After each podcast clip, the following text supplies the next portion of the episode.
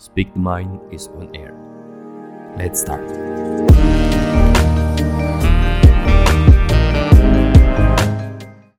Melisankan pikiran. Daripada nambah pikiran, mending dibicarakan.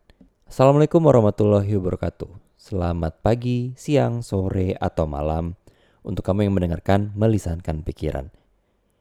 Dan seperti biasa, teman-teman tahu dong di suara siapa? Kalau kemarin Farha udah bikin tema yang berkaitan sama sunflower. Hari ini kita jangan putus asa deh. Kita balik lagi dengan semangat baru dengan episode yang baru dan pastinya topik yang baru juga. Aku Gilang akan ngajak kamu untuk ngomongin soal emosi. Tapi emosinya beda sama yang biasa. Kenapa? Kan masih banyak ya orang yang melihat emosi itu pasti marah-marah. Pasti kesel, pasti bete, pasti jengkel. Tapi ada satu hal teman-teman yang mungkin teman-teman lupa. Bahagia itu juga bagian dari emosi. Nah, hari ini aku akan fokus ngomongin soal kebahagiaan. Harus kita akuin kalau misalnya media sosial sekarang tuh bikin kita ngerasa insecure sama diri kita, ya enggak?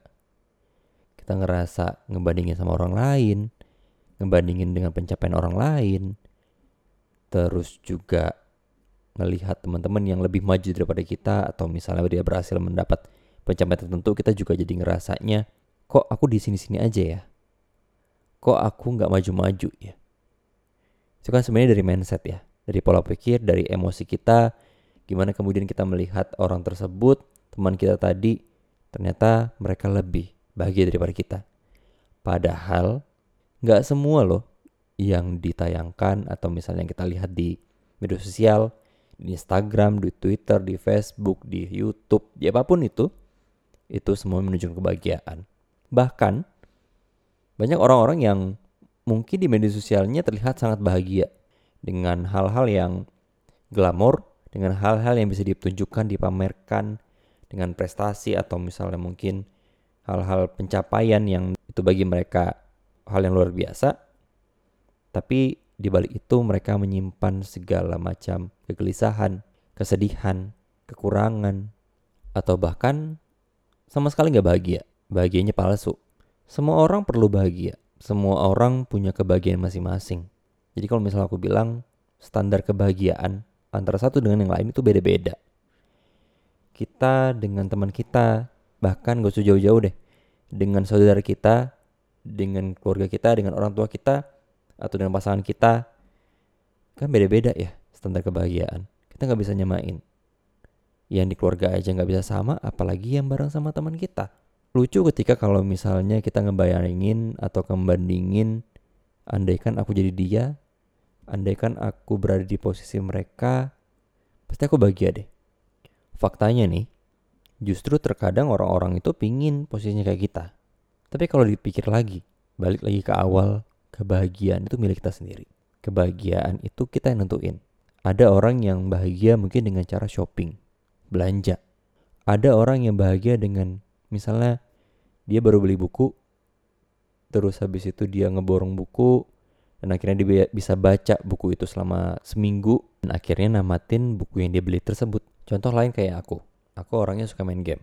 Ketika aku bisa beli game yang aku pingin dengan tabunganku sendiri terus kemudian mainin dan akhirnya namatin itu mungkin bagi orang-orang yang nggak terlalu seneng main game itu hal yang biasa aja tapi bagi orang-orang yang mungkin suka main game juga dan jiwanya adalah jiwa gamer gitu ya, maka itu hal yang luar biasa.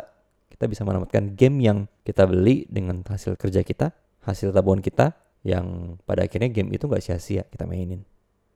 Apalagi ketika tamat itu betul-betul ceritanya worth it banget. Hal lain juga standar kebahagiaan bisa sederhana misalnya ngumpul bareng teman, nongkrong, atau misalnya kita cerita sama temen yang dulunya tuh dekat sama kita kemudian gara-gara udah kerja kuliah atau misalnya udah nggak satu kota lagi akhirnya terpisah dan suatu hari akhirnya bisa ketemu.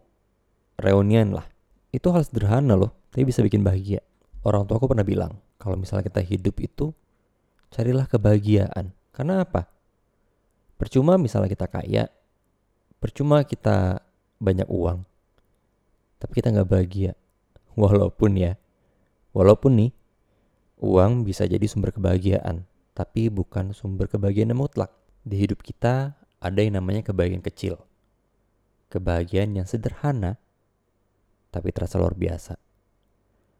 Ada juga kebahagiaan besar yang membuat kita merasa jadi orang yang paling beruntung di dunia dan membuat kita jadi merasa istimewa. Tapi satu hal, jangan pernah mau ketika kebahagiaan kamu diatur oleh orang lain.